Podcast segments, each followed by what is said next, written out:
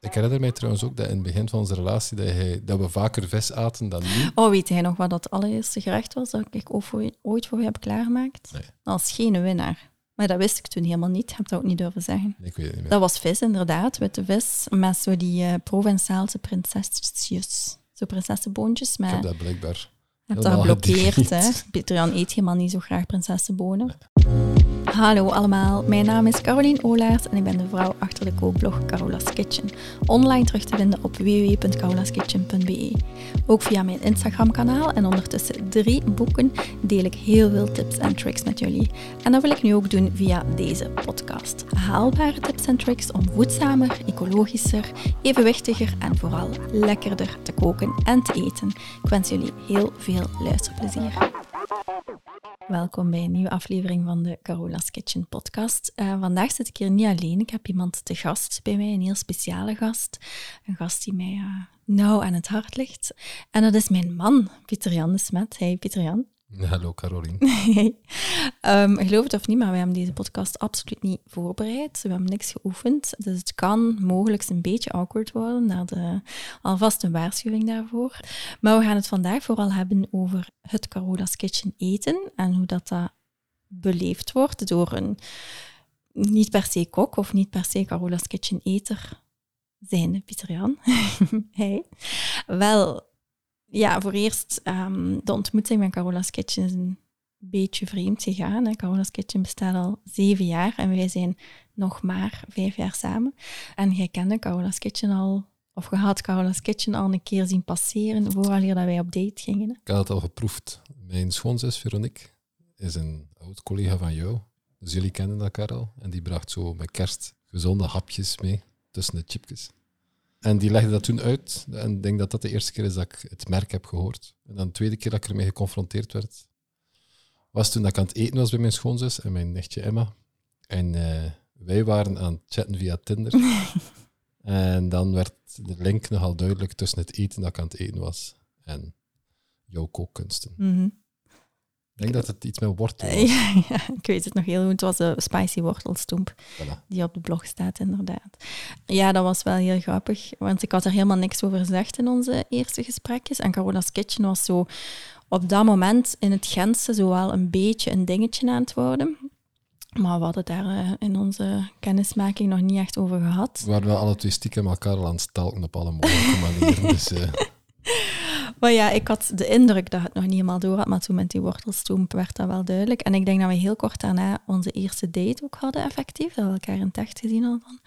Ja, en het was niet zozeer... Je werd dan een keer gaan rondspitten op de blog ook wel, maar het was niet zozeer het eten waar dat we dan op beland waren. Het waren vooral de verhalen die ik leuk vond. Of ja, ja, echt eigenlijk. Ik vind de kracht van uw blog, niet alleen het eten, maar ook het verhaal achter het eten. Mm. Het feit dat je dat vertelt. Of ja, het eten zou kunnen één in een dozijn zijn. Ik ken er dus duidelijk te weinig van op dat vlak.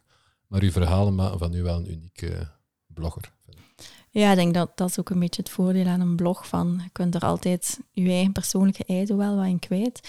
En ik weet nou dat inderdaad in onze eerste date... Want ik heb bijvoorbeeld ook over mijn mama en mijn papa geschreven op mijn blog. Die allebei overleden zijn, voor de mensen die dat niet weten. En dat was zo... Ik weet nou dat wij onze eerste date direct heel diep en heel heftig begonnen. Met allerlei gesprekken, uh, onder andere daarover. En toch was het minder awkward dan nu. Ja. ja, het is een beetje funny. Deze setting is niet natuurlijk supernatural voor ons. Maar um, ja, ik vond toch een heel tof idee van mezelf om Pieter Jan een keer te gast te vragen en zou dat helemaal zitten. Want ja, ik hoor zoveel verhalen van mensen die het soms moeilijk hebben om hun groenterijke kost of toch voedzamere kost verkocht te krijgen thuis. En ik heb daar wel een aantal methodes voor gevonden.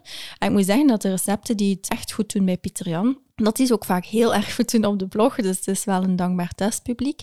En ik denk dus ook voor veel mensen wel echt herkenbaar. Ik heb um, in de vorige aflevering, dus voor de mensen die nog niet gehoord zouden hebben, gaan zeker terugluisteren, want daar geef ik heel veel tips mee over ja, zaken die je kunt doen, trucjes die je kunt uithalen, of ja, uithalen. Er is niks snoods aan, maar uh, zaken die je toch wel kunt doen om die successen te boeken. Wat is uw lievelingsrecept van Gouwen's Kitchen? Oh shit, ik had erover moeten nadenken. Overval u, maar ik denk, ik denk, dat je nu twee opties hebt om te zeggen, maar de allerlievelingste. Ik vind het moeilijk omdat ik de juiste naam ook niet ga kennen. Maar een van uw salades?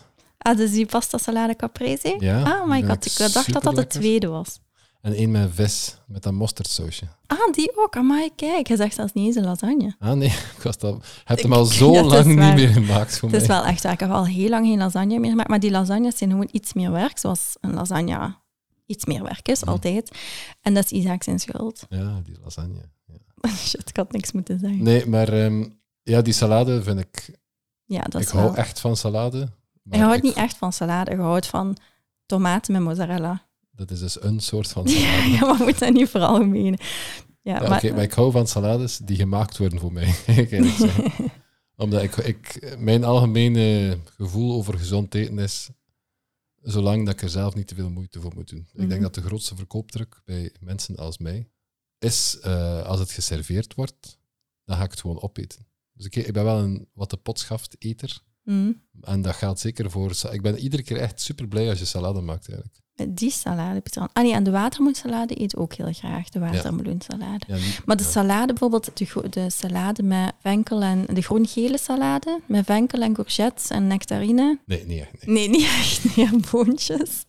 Nee, ik mik wel echt op ingrediënten die dat heel lekker vind. En bijvoorbeeld in die salade, pasta salade caprese, ja, dat is pasta, dat is tomaat, dat is mozzarella. Bedoel, Waarom heb je die pasta Piterian genoemd? ja, dat, dat scoort niet zo goed op Google.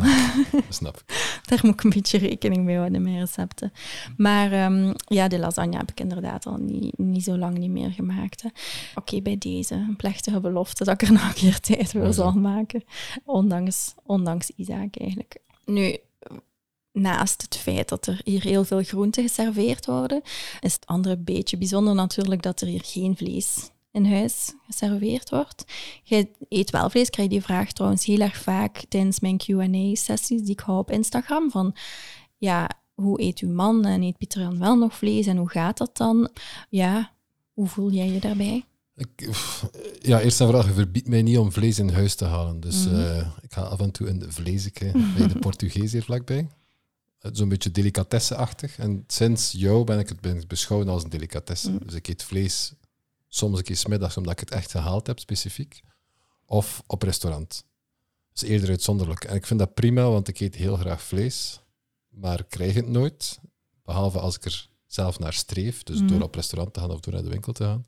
En op die manier ben ik dus ook ecologisch. Allee, dus het is heel handig voor mij en voor mijn gebrek aan principiële houding dat het niet anders kan. Mhm. Dus ik vind het echt, eigenlijk echt geen probleem. En plus, ik mis het ook niet. Mhm. Ja. Ja. Kijk, ik ben iedere keer verzadigd. Dus, eh, Ja, op dat vlak allee, zeiden misschien wel nog redelijk gemakkelijk of gemakkelijk publiek, want allee, je eet bepaalde vervangers ook wel echt like die vegan kipstukjes zo, die ik af en toe maak. En bepaalde gerechten vinden die ook wel echt, like in die kokos curry noedelsoep dat ik die maak. Ja, maar dat Ehm. komt omdat... Allee, ik eet niks omdat ik mij verplicht voel of zoiets. Mm. Allee, de- die stukjes zijn lekker omdat ze gewoon echt lijken op kip. Mhm. Of ja, we hebben de, we hebben, wij zitten nu nog met een issue rond melk. Mhm. eigenlijk. Ja, ja Jij wil ik klopt. stop met melk drinken.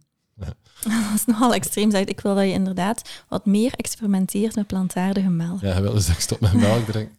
En dus haal je allerlei alternatieven in huis en we hebben het nog niet gevonden. En Ja. dus ga ik ook niet die minder smakende alternatieven drinken. Dus het is Mhm. niet dat ik het voor je schoon ogen doe. Mhm. Die kippenstukjes zijn lekker. Die gehakt, die veggie gehakt, Ja, dat vind is je lekker gehakt, in ja. spaghetti. Ja. Tofu is minder. Ja, Die ehm, kaasachtige toestanden, kaasachtig. die zo... Als je ze te lang laat liggen, dat ze zo... eh, Ah, ik bedoel halloumi, gewoon Ja, kaas. voilà. kaas. Het is niet kaasachtig, het is een kaas. Voilà, voor de mensen die nog niet overtuigd waren dat ik niks van eten kan. Nee, maar wat, dus die Maar like alternatieven... falafelballetjes is ook zoiets, hè? Ja. Die kant-en-klare falafel, als ik dat Perfect. erbij maak, ja, dan zijn hij ook eh, content. Dus Zeker ik als het denk- zo'n gerecht is met te veel groenten. Ja. Of alleen, alleen dat er voor u iets te weinig... Want dat heb ik wel nodig inderdaad soms. En ik denk dat dat een truc is voor de dames onder u die... De, Of de heren. of de heren, ja, sorry. Voor de dames en heren onder u die voor de koks die voor partner een partner koken, ja, eh, overtuigen. Sorry, ik wist niet dat ik moest politiek correct zijn, dus eh, moet dat al heel de dag zijn. Als je ze wil overtuigen, zoek wat dat ze lekker vinden van alternatieven, voeg dat eraan toe. En dan is er echt geen... Allee, Mm. Ik vind persoonlijk dat vlees eten en he- heel graag vlees eten echt geen excuus kan zijn voor deze keuken. Mhm.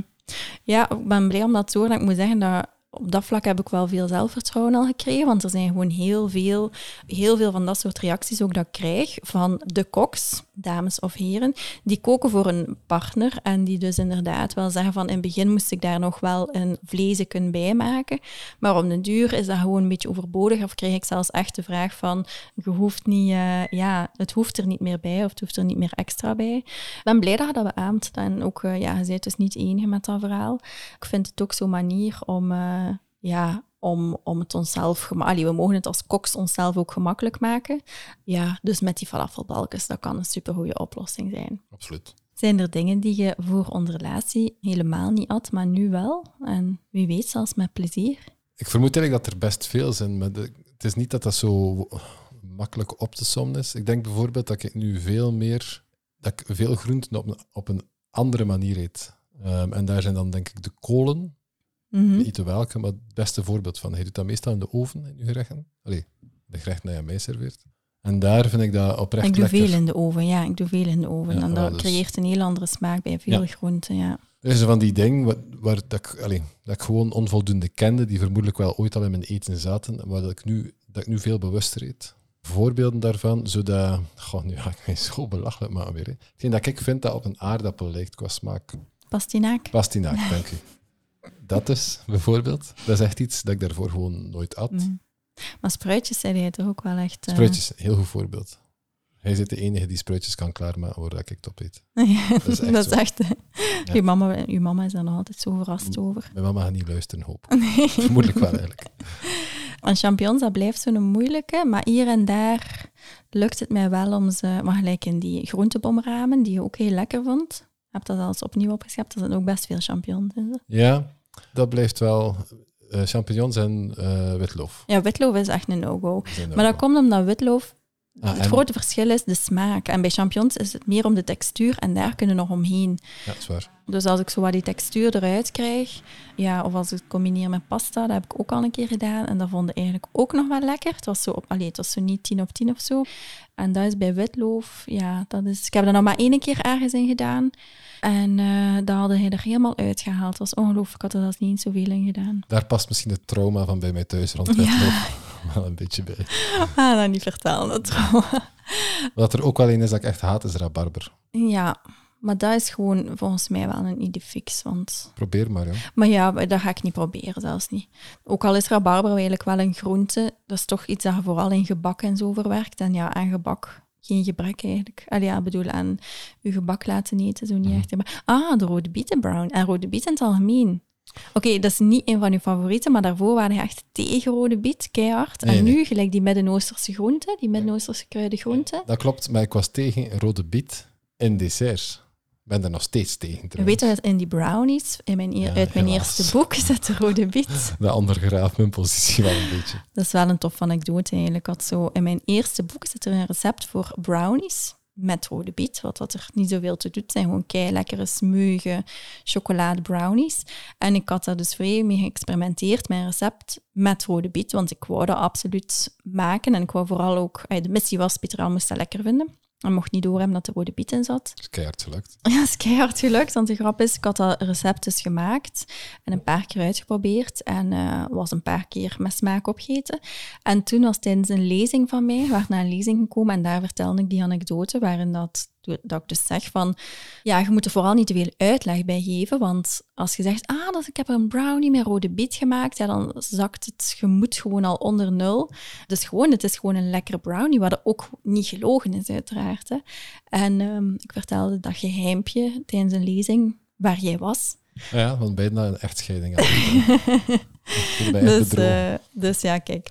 Maar rode biet is nog zo ene. Maar uh, kijk, van zelfs in gebak heb ik u dus kunnen overtuigen. Ja, helaas, als ik zeg kolen, zit de rode biet daar op een of andere manier ook tussen. Dus dat is geen kool, maar ja, ja dat, is een knol. Of knolkool. een, wortel, een wortelgroente, ja. Maar kijk, toch blij. En in het algemeen is uw kijk op eten zo in het algemeen veranderd? Zeker. Ik denk dat ik... Um, ik ben relatief traditioneel opgevoed qua keuken. Zo'n beetje Vlaamse keuken. Altijd lekker gekookt geweest bij mij thuis, door mijn mama. Maar wel meestal volgens het stramien aardappeltjes, groentjes, vleesje. Aardappeltjes. Ja. Pieter zegt nooit aardappeltjes, patatten. Patatten, groentjes en vleesje. En daarvan afwijken voelde op zich wel vreemd. Ik herinner mij trouwens ook dat in het begin van onze relatie dat, hij, dat we vaker vis aten dan nu. Oh, weet hij nog wat dat allereerste gerecht was dat ik ooit voor je heb klaargemaakt? Nee. Dat was geen winnaar. Maar dat wist ik toen helemaal niet. Ik heb dat ook niet durven zeggen. Ik weet het niet meer. Dat was vis, inderdaad. Witte vis. Met zo die uh, Provençaalse prinsesjes. Zo prinsessenboontjes. Met... Ik heb dat blijkbaar hebt dat geblokkeerd, hè? Pieter Jan eet helemaal niet zo graag prinsessenbonen. Dat is zo in een tomaatsausje, dat recept staat op de blog met witte vis. Maar wij aten inderdaad vaker vis, omdat ik dat... Ja, het is, een, het is een trucje dat ik in de vorige aflevering ook gezegd heb. Dus het toch dicht blijven bij het bestaande eetpatroon en zo eigenlijk beetje voor beetje daar wat in tweaken. Die stap mag gewoon niet te groot zijn. Dat is gewoon anders een mission impossible. Hè? Dat ik achteraf gezien dat misschien wel een beetje vreemd vind, dat is een vraag voor jou, mm. is dat je niet meer met curry's op dat moment, allee, dat je niet meer curry's hebt ingezet en dat soort dingen. Maar ik denk dat ik daar zelf ook, um, want Pieter Jan die eet dus graag curry's. We hebben het over Indische curry's om specifiek te zijn. Ik denk dat ik dat niet wist. Ik denk dat ik dat gewoon van u niet wist in het begin. We zijn trouwens heel snel gaan samenwonen voor de mensen die zich afvragen van uh, hoe zit het precies. Dus we zijn nu vijf jaar samen, bijna vijf jaar samen. En wij zijn dus vrij snel gaan samenwonen. We waren ook 32 toen we elkaar leerden kennen. Dan gaat het allemaal sneller. Dan gaat het allemaal sneller gewoon. Als en... ze de beelden zien, gaan ze het al verstaan. dus ja, ik wist dat gewoon denk ik niet in het begin. En ik ben zelf ook wel, want ja, het is ondertussen vijf jaar geleden, dat is wel wat. En Carola's Kitchen is ook wel echt geëvolueerd. Ik ben zelf ook geëvolueerd in die smaken, sowieso. Is het Aziatischer geworden ja, na onze trips? Ja, zeker. Ik ben zeker Aziatischer geworden. We zijn twee keer vrij uitgebreid op reis geweest. Eén keer in Vietnam en de tweede keer was een combinatie van Vietnam en Cambodja. Dat heeft mij zeker Aziatischer gemaakt. En ik denk dat Indisch gewoon ook niet per se een keuken is die mij al zo na aan het hart ligt dan de Aziatische en de Midden-Oosterse. Daar kook ik veel meer uit dan uit de Indisch. Ik heb natuurlijk wel een aantal curry-recepten. ik eet ook heel graag curry-achtige dingen. Maar waar jij het over hebt, die typische, um, ja, toch iets zwaardere curry dat je vindt in een Indische keuken. Het mag ook een prikkelt... zijn, hè? In de zin van, ik, als ik dus curry zeg, bedoel ik... Maar ja, like die kokoscurry noedelsoep, die maak ik elke week bijna. Er was een tijd. Er was een tijd dat ik dat, ja, voor Isaac natuurlijk. Alles, alles is een beetje aanpassen. Um, maar het is toch wel een recept, die kokoscurry noedelsoep, waar ik heel vaak op terugval wel. Omdat ik gewoon weet dat de winnaar is. Maar ik denk dat Carola's Kitchen gewoon evolueerd is. Ja, ja. Ik denk dat dat uh, eigenlijk de belangrijkste reden is. Dat ik dat toen niet deed eigenlijk in het begin. Dat ik toch naar die vis vaak teruggreep. Ja, het is een positieve evolutie, vind ik zelf. Ik heb het gevoel dat hetgeen dat je mij aanbiedt nu nog veel diverser is dan dat hij mij toen Ja, zeker. Ja, je leert ook bij. Ik zeg, onze reizen die zijn er zeker een, een belangrijke inspiratiebron in geweest. Maar um, ja, ook op restaurant gaan. Hè. Een van ons... Conclusie, vaker op reis. Vaker op vaker op reis. restaurant. Pieter Jan gaat heel graag op reis. Ja, inderdaad. Het was ook gewoon echt heel moeilijk de laatste twee jaar is. Door corona en door Isaac ook.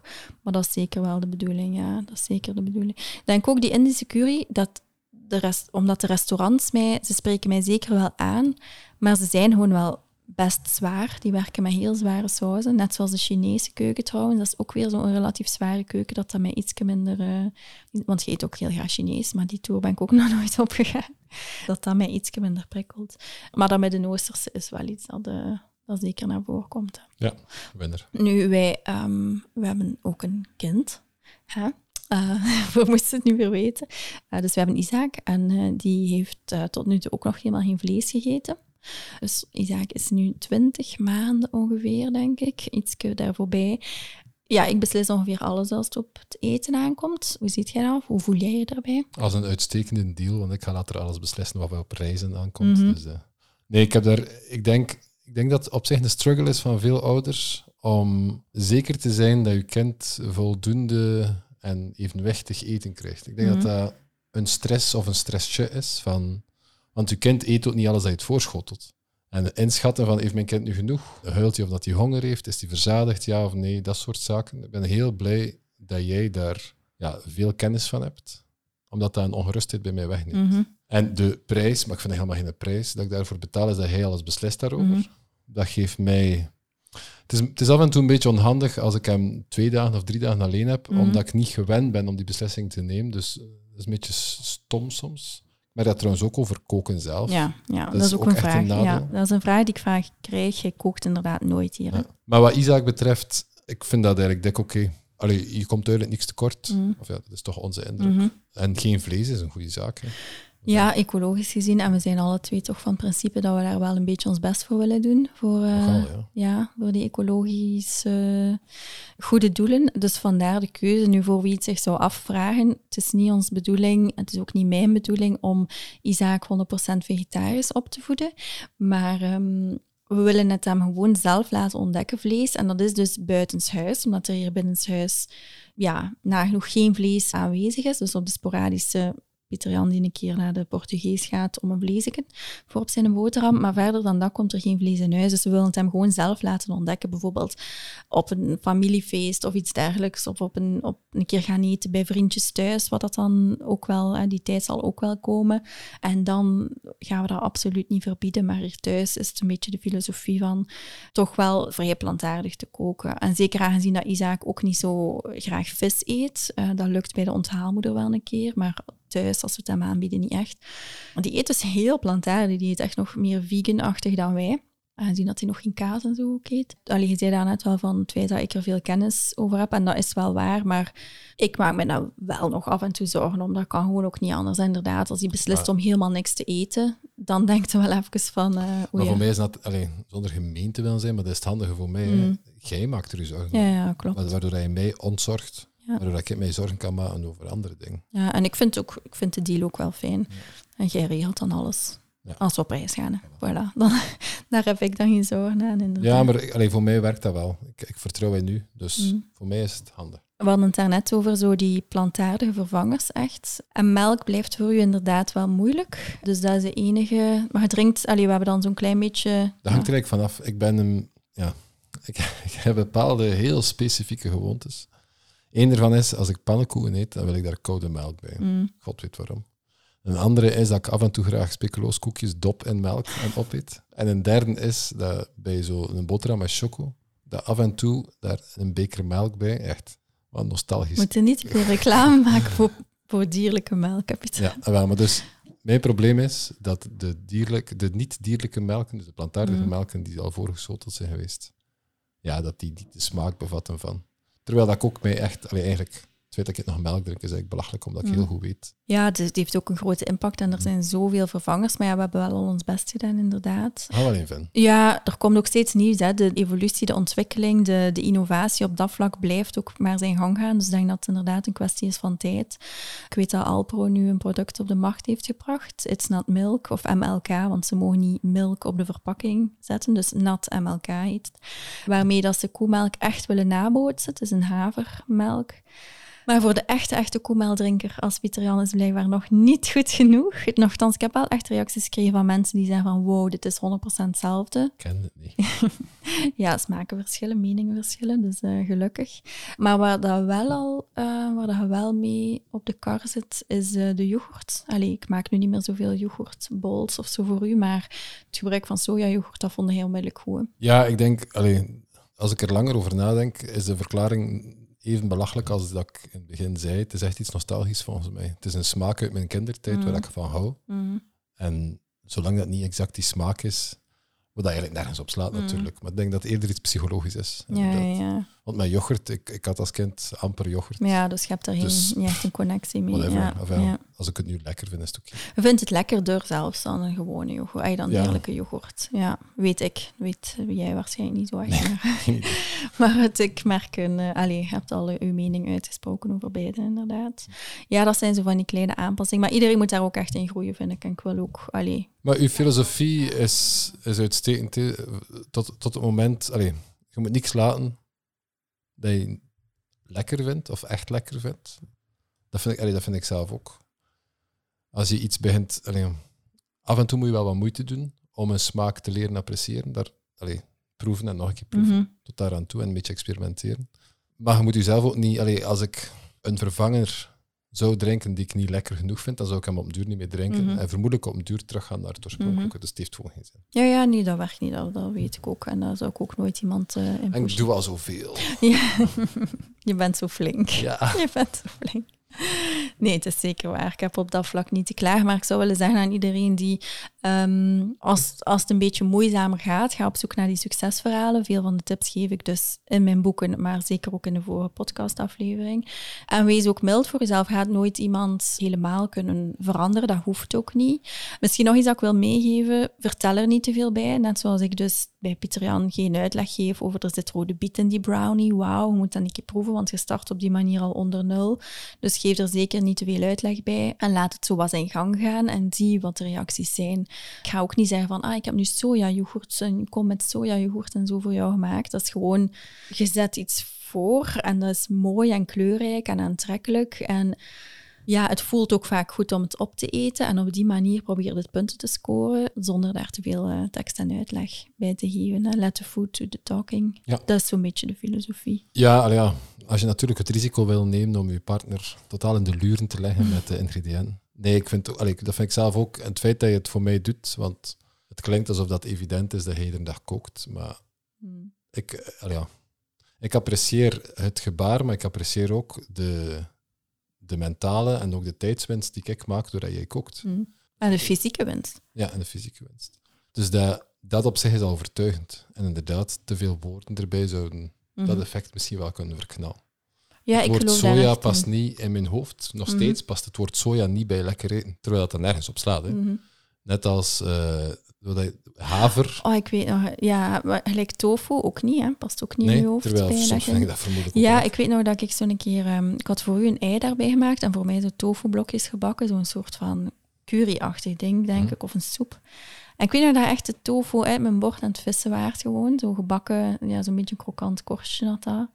Ja, dat ik echt dacht van, kerel, altijd zo tegen tofu. Of geen open mind als het op tofu aankomt. Maar kijk, als er niet te veel in pusht en het goed presenteert, dan... eh, Een beetje krokant. een beetje krokant presenteert. Dan Ja, krokant is wel echt een codewoord. Het is nu niet voor het een of het ander, maar Ja. krokant is... eh Met yoghurt zou het niet werken, maar voor de rest is eh, krokante Mm. tofu en jawel, met lekkere granola erbij. Ja, dat is waar. Doe er granola bij, hè? Ja. Ja, Dat is ook al lang geleden. Dan ga je die nog een keer maken. is allemaal Isaac's in schuld. Ja, Ja. Carola Smax, dat zoiets. nu maak ik pannenkoekjes voor Isaac en van Ja, ja. die dingen. Hè? Misschien is dat de boodschap die meegegeven moet worden bij deze podcast. Eenmaal dat er een kind komt, is, Is de, het over- de overtuiging van de man pas helemaal niet meer zo Ja, daar belangrijk. gaan de extra's naar het kind, dat is wel waar. Ja. Dat klopt. Dus begint eraan ongeveer twee of drie jaar voordat je een kind hebt, zodat de persoon in kwestie al overtuigd is. en dan ja, uit zichzelf er ook spontaan van. Voilà, dan zie je het wel hoe dat loopt. Oké, super. Zeg, dank u wel. Dat is graag gedaan. Weet je wat we vanavond gaan eten? Nee. Nooit. We gaan de ovenschotel met bloemkool, broccoli, ei en feta eten. Ja, sorry, maar het feit dat je nu geen lasagne gezegd hebt. Ja, sorry, nee. Nee, daar hebben we geen tijd voor. Maar ovenschotel is ook altijd goed. Ja, oké, super. Zit er pasta in? Nee, het zit geen Ah, pasta in. ik ga er ook geen extra bij maken. Oké. Het is wat het is. Ja, misschien hebben we nog ijsnickers. Dank jullie wel allemaal om te luisteren en heel graag tot een volgende keer. Doei! Doei.